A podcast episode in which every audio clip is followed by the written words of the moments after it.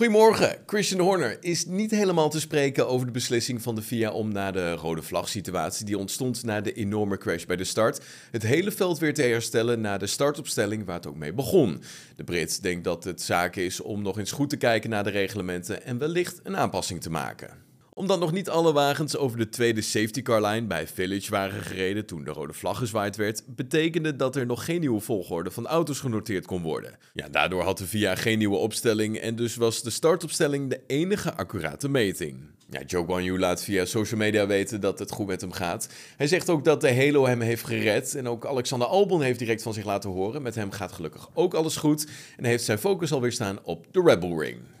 Mattia Binotto, de teambaas van Ferrari, geeft tekst en uitleg waarom het team Sainz wel liep pitten tijdens de safety car situatie en Leclerc niet. Richting het laatste deel van de race op Silverstone was het Esteban Ocon die noodgedwongen zijn Alpine op het asfalt moest parkeren. Na nou, de oefening was het voor de Franse coureur en dat betekende dat de safety car de baan op moest komen om het gevaar te neutraliseren. Vlak na melden van de safety car waren het Sainz en Sergio Perez die meteen naar binnen doken terwijl Leclerc doorging.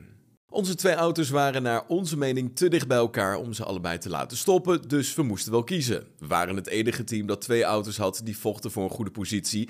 De andere teams hadden maar één auto. Charles had de trekpositie, hij was de leider en dat zou hij blijven. Zijn banden waren verser dan die van Carlos. door Carlos te laten stoppen bleef hij tweede en kon hij ons beschermen in de eerste paar bochten. Dat was de reden.